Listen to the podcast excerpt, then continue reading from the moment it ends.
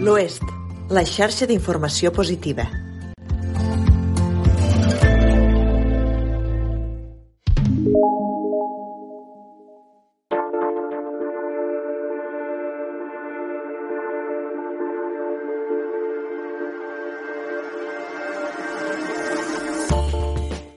Són 30 anys de posar en valor el territori a partir de la música, la dansa i sobretot una forta vinculació amb el patrimoni, en aquest cas de les Valls d'Àneu. Estem parlant del Festival de Cultures del Pirineu, el Dansàneu, que tindrà lloc a la Vall d'Àneu entre el 25 de juliol i l'1 d'agost. En parlem amb la seva directora, la Ruth Martínez, i el president del Consell Cultural de les Valls d'Àneu, entitat organitzadora, el Ferran Rella. Bon dia, nois.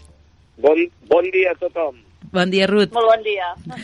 Um, M'imagino que esteu ara a, en algun lloc on les vistes són espectaculars. Sí, esplè... esplèndides, esplèndides. Des d'aquí es veu un territori clar, lluminós, amplíssim, seductor, que espera eh, l'atenció d'aquesta mirada exterior per gaudir d'un dansàneu pletòric. Vaja, això és el que desitgem nosaltres, eh? Aquests dies eh, són dies de moltíssima feina i, per tant, sí, evidentment, treballar en un entorn com aquest és, eh, és un regal, sens dubte. Justament el nom de Festival de Cultures del Pirineu no és gratuït. O sigui, el lloc on es desenvolupa aquest festival té una importància capdalt. L'entorn, um, l'escenografia, no calen escenografies en el vostre cas, en el vostre festival. Eh, cada, cada terra té la seva singularitat. El Dansàneu eh, com a festival eh, no es comprèn sense l'espai geogràfic que, que l'acull. Aquest patrimoni, un patrimoni essencial que, que emergeix a través de les actuacions, de les propostes de dansa i música, eh, no es comprendrien sense aquesta referència indiscutible que són les Valls Indubtablement, és clar. Um, justament celebreu la trentena edició amb artistes de, de primer nivell, com pot ser el Sergio Labert, Mishima, el Maria del Mar Bonet, el Roger Mas, la Sílvia Bell i, i molts d'altres. Um, us ha costat molt, difícil, um, 30 anys ja suposo que és una fita molt important. Home, costa, costa perquè d'alguna manera un festival com el nostre i com tota la resta de companys eh, que treballen en el sector cultural, doncs bé, se n'ha parlat moltíssim tot aquest any de pandèmia, però evidentment eh, la pandèmia només fa que, que fer aflorar o reflectir el que és una situació de fa molts anys. Recordem que un festival com el d'Ençàneu l'organitza una entitat cultural sense ànim de lucre com és el Consell Cultural. I això què vol dir? Doncs que hi ha evidentment una pressió a nivell d'organització, doncs, de, de moure moure gent, de demanar ajuts. Eh, pensa que majoritàriament els ajuts eh, tots són de, de concurrència competitiva, per tant vol dir que quan tu programes o dissenyes el que t'agradaria que fos el d'Ensàneu, ho fas amb un munt d'incerteses sobre la taula, que evidentment en aquests eh, dos últims anys, a més a més, una incertesa majúscula com és el tema de la pandèmia. Per tant, la complexitat hi és, però sí que és veritat que, que d'ençà d'aquest canvi, diguem, de model que vam, diguem, que va cristal·litzar el 2015 amb aquest model estrictament de festival, doncs hi ha un posicionament important que agafa el llegat d'aquests 30 anys de trajectòria i la gent vol venir al Dansàneu i ho posa fàcil per venir al Dansàneu. Um, però, evidentment, és això és una suma, diguem, d'oportunitats, de ganes, d'il·lusió, no? A vegades quan revisem la feina que fem, diem, ostres, quina és la paraula que més usem? Il·lusió, il·lusió, il·lusió, perquè realment ens en fa molta de, de que la gent s'aproximi, en aquest cas, al territori de les Valls d'Àneu a partir d'una experiència artística um, que té a veure això doncs, amb la dansa, amb la música, amb el patrimoni material i immaterial, amb la memòria històrica, amb una pila de coses que, que formen part del nostre dia a dia i que ens apassionen. Sí, indubtablement, com diu la Ruth, no s'entén el d'Ensàneu sense aquesta mirada a la terra i la passió que s'aboca per fer un dels festivals, podríem dir, eh, més harmònics, eh, eh, més engrescadors i que prime la, la demografia i l'atracció d'un públic que volem suau, pausat, comprensible amb el fet, amb el fet especialment na natural. Per tant, és, és un objecte, el, el, el d'Ensàneu és, eh, en diem nosaltres, eh, més aviat eh, com, la mateixa, com la mateixa vida, és el, el d'Ensàneu. Una, una vida que té en cadascuna de les, de les, de les actuacions, aquesta personificació que no eludeix el canvi eh, i aposta per les transformacions eh, que són, eh, en essència, el que podran veure i comprendre els que ens visiten aquests dies del 25 de juliol a l'1 d'agost. Um, algunes vegades sentim a parlar de, de, de l'epicentre que és uh, doncs, en Barcelona, l'àrea metropolitana, i, i, i moltes vegades parlem de que són petits miracles um, el fet de que existeixin festivals com ara el vostre en una zona merament rural i a més a més a, a, al que seria la, la perifèria. Com, com ho viviu vosaltres? Com ho enteneu això vosaltres? Mira, l'altre dia vaig assistir a unes, unes jornades precisament que, que organitzava Fira Tàrrega eh, i era una mica, doncs, érem tot de festivals eh, eh, de fora al centre que, que volíem ser centre, no? I dius, home, qui et fa centre ets tu mateix, diguem, amb, amb, diguem, des del moment que programes amb una ambició artística, diguem, que no, que no dista de la que poguessis eh, doncs, aplicar si, si programessis des de Barcelona. És veritat que avui en dia la, la tecnologia, diguem, fa que, que els que som freelance puguem treballar doncs, des de qualsevol punt i que, per tant, puguem fer un festival eh, amb mirada anauenca eh, des de les valls d'Àneu, però que tingui això, la mateixa ambició que la que puguis tenir doncs, en un poble de costa, jo mateixa que soc de Calella de, de, del Maresme, és a dir, la mateixa que podria tenir quan feia feina a Calella, saps? És a dir, d'alguna manera el centre eh, l'aplica un mateix quan eh, intentem eh, desprendre'ns de possibles acomplexaments que tinguem i, i realment jo diria mm, som centre eh, com a Consell Cultural tot l'any en allò que fem, no? perquè la nostra mirada és, és eh, a màxims, és intentar que d'alguna manera, eh, quan parlem de tot això dels drets culturals, doncs fer-ho fer, veritat, és a dir, que el, la gent d'Àneu, en aquest cas, del Pallars, del, del Pirineu, per fer-ho més gran, té els mateixos drets culturals que pot tenir la gent de, de, del barri del Raval o del barri de qualsevol barri de la, de la ciutat de Barcelona. No? Per tant, aquesta mirada de centre a, a vegades ens l'hem d'aplicar nosaltres mateixos amb aquesta ambició ben entesa, que jo vull pensar que és també perseverança, eh, i que té a veure amb una cosa molt bàsica i important en els temps actuals, que és, que és el tema dels drets culturals. Eh? O sigui, que gent d'Àneu, que probablement doncs, per començar no té els equipaments que tenen altres, altres indrets, eh, doncs puguin anar a veure per un preu molt, molt, molt mòdic, o fins i tot moltes de les activitats que tenim que són gratuïtes, doncs puguin anar a veure un espectacle espectacle de circ o puguin anar a veure doncs, això, no? la narració de la Sílvia Bela o Roger Mas, com has dit, o Mishima amb la mescla de dansa contemporània, o escoltar la Maial Mar Bonet, eh, per nosaltres és gairebé, diria, una vocació i una obligació.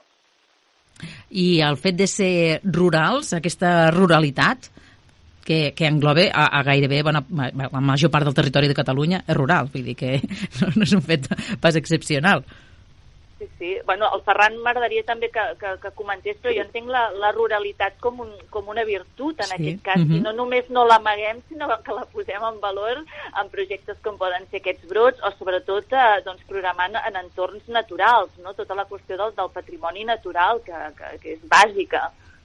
Uh -huh. que la, la, la ruta respon admirablement a la pregunta sobre centralitat i, i perifèria. Eh, serem centralitat aquesta setmana de dansa, de música i de patrimoni a Catalunya. Per tant, més enllà de la mirada geogràfica entre centre i perifèries, eh, i perifèries eh, és ben clar que el Dansàneu eh, projecte una centralitat, no només una centralitat, sinó que aquest esperit del lloc que es desprèn de l'alta terra pallaresa acaba sent una forma d'universalitzar des del Pirineu. Per tant, ja no podem ser més centre en aquest, en aquest moment. Eh, la centralitat i la perifèria moltes vegades estan al, al, al moment, a la forma d'actuar, a la forma de treballar. Això no vol dir que, evidentment, la, la força de Barcelona davant de la geografia eh, de Catalunya és, és, és, és evident, eh? Per tant, nosaltres entenem que, que el, el dansant, el dansa, música i patrimoni, aquesta tríada cultu cultural, és exemplificadora, una pluja fina que fa saó i que pretén un altre model, un altre discurs cultural damunt d'un territori específic com són les Batzaneus. I, I el que m'agrada més del que dèieu, eh, que al final la ruralitat és una de les virtuts que, que té el festival, justament aquesta. Sí, una altra, sí, sí. és una altra de les etiquetes, eh, ruralitat o, o, o, o fenomen, o fenomen ur, urbà. Es pot ser urbà la ruralitat i es pot ser molt rural des de l'òptica, podríem, podríem dir, urbana. Nosaltres, orgullosos de l'espai que transitem, que són les Valls d'Àneu, un uh, espai, podríem dir, senzill demogràficament, uh, demo, demogràficament uh, no, amb, amb, a dir, amb poquíssima demografia, eh, som capaços, i tornem a la pregunta que ens feies inicialment, si consideràveu un miracle que des de les Valls d'Àneu s'hagi pogut aguantar 30 anys en una proposta com aquesta, especialment els darrers, els darrers sis, sis anys que han estat de, de canvi constant, de transformació, eh, tenint en compte aquesta gramàtica mm, pròpia del danzàneu per saber-la transformar i adequar en els moments que en els moments actuals, però també amb la inclusió d'aquesta força del patrimoni cultural i del patrimoni natural com un comú denominador que fa que la fórmula sigui senzilla però ben reeixida. Perfecte, perfecte. M'encanta, Ferran i, i, i Ruth, aquesta manera que teniu, aquesta mirada que teniu a, a, en relació a tots aquests conceptes que a vegades eh, estan com malentesos i que hem de reivindicar. Si una cosa té el, el festival és que heu, heu tramat uns quants eixos que són eh, vitals per a l'hora de pensar i de programar eh, el vostre festival, els vostres espectacles. Un, i molt important, és la memòria històrica, mm, més aquest any, oi? que li heu donat, li heu donat un pes específic específic. Sí, sí, jo, jo crec que forma part de, del, eh, de, de, de la recuperació també patrimonial. Eh, de, quina, de quina manera, com deia Stefan Zweig, el pes de la història és, és aclaparador. Només rellegint o, o mirant eh, aquells eh, fets eh, tràgics eh, de, la nostra, de la nostra existència ens permet comprendre presentar davant del públic eh, les propostes de memòria democràtica ens relliguen a la necessària existència per projectar-la cap al futur. Comprendre eh, ens diu sempre que la lliçó segurament no serà repetida. Dic segurament perquè la condició humana de vegades és difícil de recollir la deshumanització de les actuacions poden tendir a canviar aquella harmonia i aquella síntesi de vida que floreix eh, en els camps. Per això nosaltres aquest any hem volgut treballar la memòria democràtica. Eh, la ruta ha projectat un mosaic de memòria democràtica eh, específic i molt concret. Eh, Ruth, si ho vols explicar en detall, estaria sí. Sí, d'alguna eh? manera és, és, és um el, el Danzàneu vol ser, en definitiva, el vestit llarg, no? l'aparador de la feina que fa el Consell Cultural al llarg dels anys i des del 1983, que no és poca cosa. Per tant, d'alguna manera, um, jo crec que devíem, uh, sobretot coincidint no? amb, aquest, amb aquest aixecament, amb l'obertura de, la, de la fossa de Sorpe, doncs devíem al territori doncs, quelcom que apel·lés a una memòria democràtica que és també una, una història molt viva encara, no? Aleshores, és clar, hi hem donat el nostre segell, la nostra empremta, que és bàsicament això, doncs, eh, cultural, artística, val? però evidentment amb una mirada també de, de rigor i, i de proximitat amb el territori. És per això doncs, que farem aquesta activitat ben bé a Prat de Fuster, diguem, amb, amb, amb, doncs això, amb els historiadors que han estudiat estudiat els fets de, de, del 38, en aquest cas també amb arqueòloga, s'ha publicat un llibre sobre els fets dins d'aquesta línia Consell i després hi ve doncs, l'apartat més artístic amb, amb la Sílvia Bell i el Roger Mas, però a més a més també el Vespre i Barra i aquesta activitat basada en aquest text que ja és un encàrrec previ de, del propi Consell Cultural, aquest text de, de, de l'escriptor Jaume Cabré, aquest monòleg Poldo, que en aquest cas doncs, l'actor lleidatà Ivan Kelles ja està treballant i que per tant doncs, ens, ens venia perfecte diguem de portar-lo a Isabarri, a més a més amb un espai magnífic, no? Um, per tant, no sé, ha estat, ha estat ara que ho veus relativament fàcil de, de tramar perquè són, són diguem, contextos eh, fantàstics i, a més a més, hi ha una potència eh, a nivell històric molt, molt gran, no? Per tant, ha estat, ha estat fàcil posar-hi el llaç, et diria. Mm -hmm. Home, Jaume Cabré, um, ja amb el seu llibre, amb la seva novel·la Les veus d'Opamano, va fer un retrat um, mm -hmm. molt, molt aclaparador del, del que havia passat a, a, a la Guerra Civil amb moltes poblacions. Ell la va situar al Pirineu, però és un, és un retrat que, va, que, que vaja, que em sembla que uh, fa sentir ens fa sentir a, a tots, eh, sigui Pirineu, sigui la Plana, mmm, d'alguna manera remou, remou entranyes, va fer un, un gran retrat. Altres eixos que heu fet, eh, que heu posat en marxa, són el suport a projectes pirinencs, és a dir, donar molta importància a tot el que s'està fent al Pirineu. I tant que sí, en aquest sentit el que fem és anar un punt més enllà amb coses que ja... seguim projectes de ben a prop i volem ser d'alguna manera això l'ajut o el catalitzador de, del que durant l'any ja s'està fent allà, perquè els hiverns a les valls són llargs i per tant doncs, és important eh, això, no? tenir, tenir els poros oberts i saber el que s'està el que s'està coent i d'alguna manera la família del Dansaneu es fa gran eh, gràcies també a que molts artistes doncs, ens adrecen propostes, ens expliquen el que estan fent i en allò que nosaltres modestament puguem ajudar ajudar, doncs ens hi trobaran. En aquest cas hi ha un projecte que ens sedueix moltíssim, que ja havíem programat en el seu moment i que és complex de tirar endavant, com és aquesta Big Band d'arrel que, que dirigeix Sergi Vergés, aquesta Rufata Folk Jazz Orquestra, eh, que és per entendre's una Big Band amb alguns dels noms clau del panorama jazzístic a Catalunya, noms importantíssims eh, que veiem en tots els festivals importants, doncs sumats en aquest cas a la sonoritat i, i a la singularitat de l'Escola Folk del Pirineu. No? És un projecte amb gairebé 25 músics,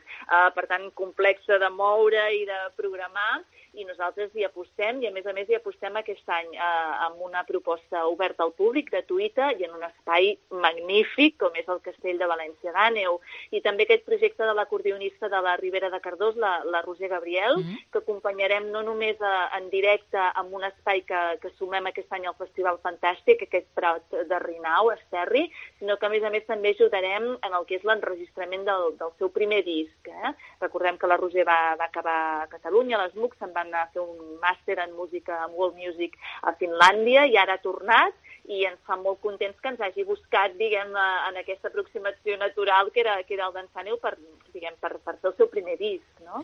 Suposo que també, suposo que també us fa molta il·lusió amb aquesta recuperació patrimonial que, que es fa amb els uh, focs de Sant Joan. Ui, i tant. Ferran, dispara. Sí, sí. No, no de, de, de, de, de fet, eh, nosaltres també som prometeus que som capaços de segrestar el sol als déus per escampar-lo a, la a la població. El foc, eh, en definitiva, doncs és aquest caliu que et permet viure durant tot un any, perquè el d'en eh, ens permet viure ja el pròxim, podríem dir, escenari del 2022 quan encara no hem començat el del, 2000, el del, el del 2021. I ho fem des del punt de vista de, de un punt de vista històric, però també en, en i, i també en l'actualitat. Eh, la ruta ens parlarà d'aquesta excel·lència del Robert, del Robert Gerard com a músic i com compositor, segurament un, un dels millors eh, d'Europa a començaments del, del segle XX. Des del Consell Cultural, l'aposta per difondre tot el que fem és clara. No oblidem que el, el foc de Sant Joan i el ballet del, del Gerard, l'inèdit ballet del Gerard, és possible eh, observar-lo a través d'aquesta nova aventura editorial del Consell Cultural que és d'Ensant Edicions, que dirigeix justament la, la, la, la Ruth Martínez a través de la, la secció d'arts del, del Consell. I també eh, ho deia ella en aquest llibre que es diu Prat de Fuster, que ha estat capaç de plegar historiadors, eh, arqueòlegs, antropòlegs, per uh, recobrar la memòria d'uns fets luctuosos que han de, de traçar-nos un camí d'harmonia en el, en, el, en el futur. L'aposta del Consell doncs, per la difusió és una de les potes substancials en tot el nostre projecte i el d'Ensàneu hi participa plenament, és clar. Uh -huh. um, Ruth, explica'ns què és uh, aquest projecte dels Focs de Sant Joan. Què és, què és exactament què és el que recupereu? Doncs mira, es tracta, com sabeu, dins l'any Gerard, que és una commemoració que precisament a causa de la pandèmia també s'ha hagut d'allargar. Uh, Gerard és, sens dubte, de, de fet és l'únic deixeble, diguem, uh, estatal, per dir-ho així, de, de Schoenberg, una, una figura impressionant i seductoríssima per l'evolució estètica que va, que va tenir, que va acabar doncs, uh, fent música electroacústica, és a dir, un personatge uh, realment impressionant que us convido els que no conegueu massa doncs, a, a bussejar-hi, doncs uh, l'any 20 es, es commemorava el 50 aniversari de la mort i aquest uh, any 21 el 125 aniversari del naixement. Aleshores, en col·laboració amb els promotors d'aquesta iniciativa de l'any Gerard, uh, bàsicament amb el comissari de l'any, que és uh, el director d'orquestra en música Edmond Colomer, amb l'expertesa també de l'Oriol Pérez Treviño, musicòleg, amb els companys de Ficta Edicions, uh, que és aquesta editorial gironina, que s'ha especialitzat també en qüestions de patrimoni, de recuperació patrimonial, doncs el que hem fet és eh, aquesta obra que estava en els arxius de Cambridge, eh, Gerard eh, exiliat per anar ràpid, eh, eh, va, va morir a l'exili a Cambridge i, per tant, part del seu fons es guarda a, a Valls, era nascut a Valls, una altra part del fons està a la Biblioteca de Catalunya i l'altra part del fons està a Cambridge. Doncs els companys de FICTA i més concretament el pianista Miquel Villalba eh, van doncs, eh, recuperar aquesta partitura, l'han revisada, l'han publicada i és el que nosaltres podrem escoltar d'aquest ballet que, a causa de la Guerra Civil, no es va poder estrenar l'any 38. Era un encàrrec dels ballets de Monte Carlo i en el seu moment no es va poder estrenar. I aquesta partitura va quedar, com tantes altres del nostre patrimoni musical, en l'oblit. No? Aleshores, per tant, eh, el que fem és ajudar en aquesta iniciativa de músics, d'experts eh, en la matèria i, a més a més, eh, ens hi sentim absolutament cridats perquè aquest, aquest ballet està inspirat en les festes del foc concretament d'Isil, per tant, sí, és que tocava, diguem, d'alguna manera. És cert que no, no ho podrem fer Isil perquè, perquè l'església de Sant Joan és molt petitona i, a més a més, per tipologia, unes columnes centrals que fan que la visibilitat no sigui bona i un ballet s'ha de poder veure, i s'ha de poder veure en bones condicions i, i, a més a més, perquè la veritat és que estem fins i tot una mica sorpresos de, de l'expectativa que ha aixecat aquest ballet i, per tant, necessitàvem un espai una miqueta més gran. O sigui que es podrà veure, um, en aquest cas a Santa Maria d'Àneu, uh, el 29, el dijous 29 de juliol a les 7 de la tarda, amb el Ballet Contemporani de Catalunya, cinc ballarins, en aquest cas amb, amb aquesta coreografia de Miquel Gefont, i, i com et dèiem, el mateix Miquel Villalba interpretant la partitura inèdita al piano. Um, espectacular, de ben, de ben segur. Una altra de les uh, propostes que teniu és que, o, o de les singularitats que teniu és que justament um, els actors, els espectacles, que els músics que venen a, a dansar nau, en, molte, en moltes ocasions fan propostes singularitzades, és a dir, que les fan expressament, les pensen expressament per poder-les dur a terme justament al vostre festival. Expliqueu-nos algunes d'aquestes propostes. Per exemple, doncs hi ha la Maria del Mar Bonet i el Borja Penalba, oi? O, o, o, o Mishima, vull dir que no estem parlant de, de poca cosa. Sí, d'alguna manera, és, eh, tot això que ens explicava abans eh, eh, en Ferran, no? d'alguna manera nosaltres creiem que allò que passa, eh, no? que s'esdevé a les Valls d'Àneu, d'alguna manera tota aquesta força telúrica del territori impregna l'artista, segur que sí, i per tant d'alguna manera demanem aquest plus d'esforç, de, diguem, eh, perquè allò que passi, que es vegi, que en algun moment doncs, enllaci amb nosaltres tingui aquest element de, de singularitat o, o porti el nostre, el nostre segell, no? la nostra empremta. I en aquest cas, doncs bé, amb, eh, com que tenim, diguem, normalment la sort de poder programar gent que ens agrada moltíssim, doncs bé, en el cas, com deies, de Maria del Mar Bonet, no poques músiques han estat tan coreografiades mm. com les de la Maria del Mar Bonet, i, i en aquest cas, doncs, dèiem, d'acord, no? dins d'aquesta gira que els està portant a tot arreu amb moltíssim èxit, eh, aquesta gira amb, en, amb en Borja, doncs hem demanat, en aquest cas, a la ballarina Núria Guiu, que és una referència en la dansa contemporània actual, eh, doncs que versioni algunes unes cançons de, de treball que cantarà la Maria del Mar a Capella eh, i que la Núria coreografiarà doncs, en especial a, a Santa Maria d'Àneu també, en aquest espectacle que, que no dic més coses perquè ja no queden entrades i aleshores seria, seria una mica trist. La gent que vol venir tenim llista d'espera i tot. Per tant, en fi, serà una cosa molt, molt bonica, no? Uh, la, la, la Maria Mar cantant aquestes cançons de treball uh, ballades per la Núria, no? Um, I després, clar, Mishima, com ja vam fer l'any passat en aquesta línia que n'hi hem dit parelles impossibles, no? Mm. Les que vam sumar sí. el petit de Caladila, el flamenc de la Montserrat Selma, doncs aquest any hi tornem amb aquesta companyia de la, de la Laia Santanà, que fa molts anys ja que estat fent un, un treball molt seriós en relació a l'arrel, a la dansa d'arrel, doncs el que fem és sumar les seves propostes a, a, sí, doncs a, un, a un grup de, de referència de, del nostre imaginari musical com és el, el grup que lidera en David Caravent. No? Això es podrà veure al final d'Esterri i, i la veritat és que en tenim moltes ganes eh, d'aquest resultat, d'aquest diàleg eh, entre disciplines. I d'aquí queden entrades, Ruth, o no? Aquí en queden, aquí en queden. queden. Final, no en deuen quedar gaires, no, per això. No, la veritat és que no, perquè amb això som molt curosos i, i la veritat és que tenim una miqueta l'experiència de l'any passat, on en un any complicadíssim vam fer neu i el vam fer, evidentment, seguint totes les mesures i, per tant, la situació actual és molt convulsa, estem, evidentment, molt pendents de tot el que passa, però ja ho vam explicar en el seu moment, la nostra és una, diguem, el nostre és un model de, com deia el Ferran, eh, aquest de pluja fina que ens agrada tant dir-ho, és una, és una experiència no massificada i, per tant, estem parlant d'aforaments que van des de les 50-70 persones fins, evidentment, un firal d'esterri que ens permet a un 60-65% de capacitat, per tant, per sota del que està permès, perquè recordem que és un espai a l'aire lliure, mm. doncs ens permet posar tranquil·lament 300 persones amb distàncies de seguretat, amb tota la normativa, com ja fèiem. Eh? Recordem que són sempre seients, eh, diguem, la gent asseguda, amb distància, i, i en cap cas doncs, això superant aquests 300 màxims en el cas del, del Firal d'Esterri. Uh mhm. -huh. Una, no, no ens oblidem de parlar d'en de, de Sergi Gelabert, del ballarí Sergi Gelabert, que també és un dels caps de cartell i que també porta una proposta super interessant.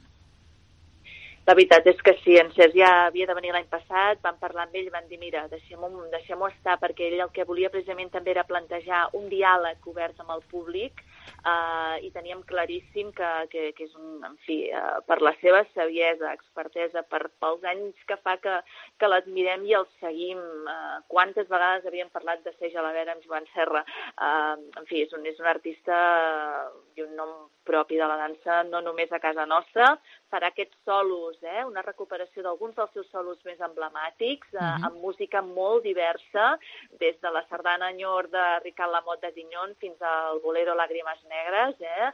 Um, i ho farà, doncs, això, uh, fent aquesta mirada que, que ara explicava ell que li interessa especialment de no? quin és el paper, el rol del folklore en, en, en relació a la creació artística contemporània, no? quina pot ser la mirada d'un creador de, de la Catalunya del 21 en relació al seu folklore, no? què pot aportar aquest en relació a la seva activitat i, i ens fa moltíssima il·lusió doncs, que sigui el nostre espectacle inaugural i per nosaltres cap de cartell indiscutible d'aquest 30è d'Ençàneu. Uh -huh.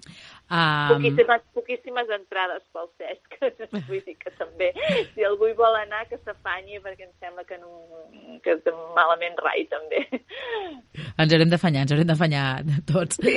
Escolteu-me, l'altre, un altre dels eixos de les potes que, que heu projectat enguany és aquestes propostes festives, perquè no, no oblidem que això és un festival i que, per tant, també, um, a part d'aquesta pluja fina, d'aquest slow que parlem molt sovint, també hi ha d'haver-hi mm. festa, oi? I tant, Ferran. No, no, no, no. En el tema de programació, la doctora Ruth Martínez té sempre, sempre la paraula.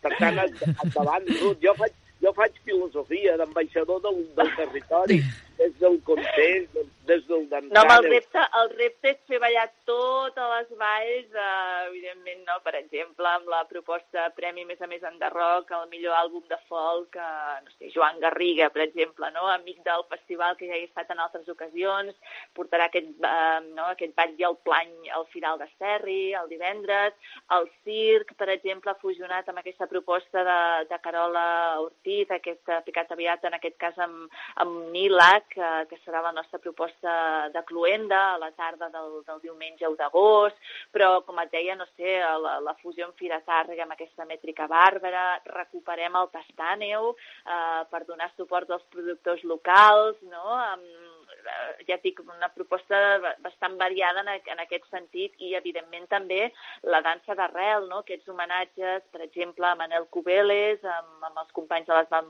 Margoleny, amb la gent de les Preses, amb el Festival És Dansa, o també aquesta mirada al que va ser una figura apassionant, una lluitadora incansable, Teresa Rebull, a través d'un documental preciós que ha fet la Susana Barranco eh, i que es podrà veure, a més a més, després amb el contrapunt d'una de les dames del jazz a casa nostra, com és la Laura Simó, acompanyada del pianista Joan Díaz, amb una proposta també amb un espai magnífic, com és el Jardí de Gallimó a Esterri, o sigui, per tots els gustos.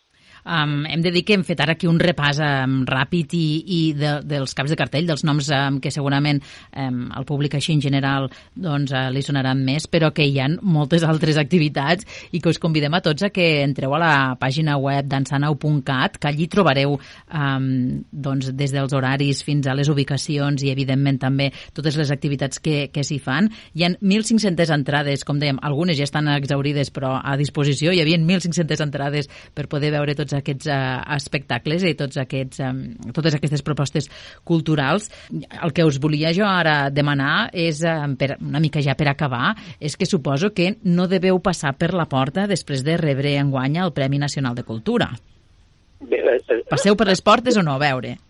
No, la, la veritat és que ens hem engreixat uns, quil, uns, uns quilos.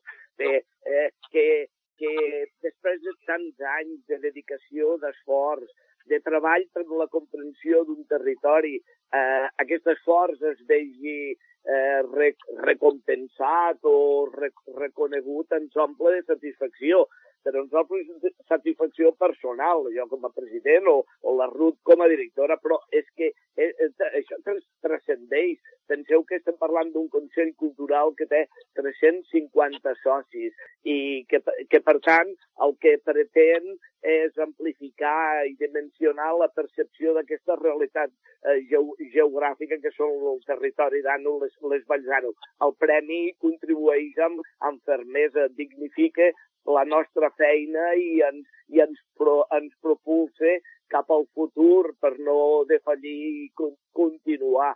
Jo diria que la, la proposta de, de, del Premi Nacional, però també la proposta de la directora del Danzane, Ruth Martínez, no és treballar només uh, la gent que ens visita o totes les valls. Jo crec que és capaç de treballar els arbres i el riu i de fer cantar les pedres fins i tot, no m'estranyaria gent, construïm, és a dir, el premi ajuda als nostres objectius de construir territori per universalitzar des del Pirineu, eh, construeix un imaginari col·lectiu i és un punt de referència per atraure, eh, per sintetitzar-ho, no només la mirada interior, el reconeixement, l'autoestima, sinó aquesta mirada externa amb la necessitat, de, ho hem dit moltes vegades, de conèixer per estimar i si s'estima s'acabi fidelitzant. Per tant, pretenem que el territori d'Àneu sigui un territori fidelitzat d'aquells que vinguin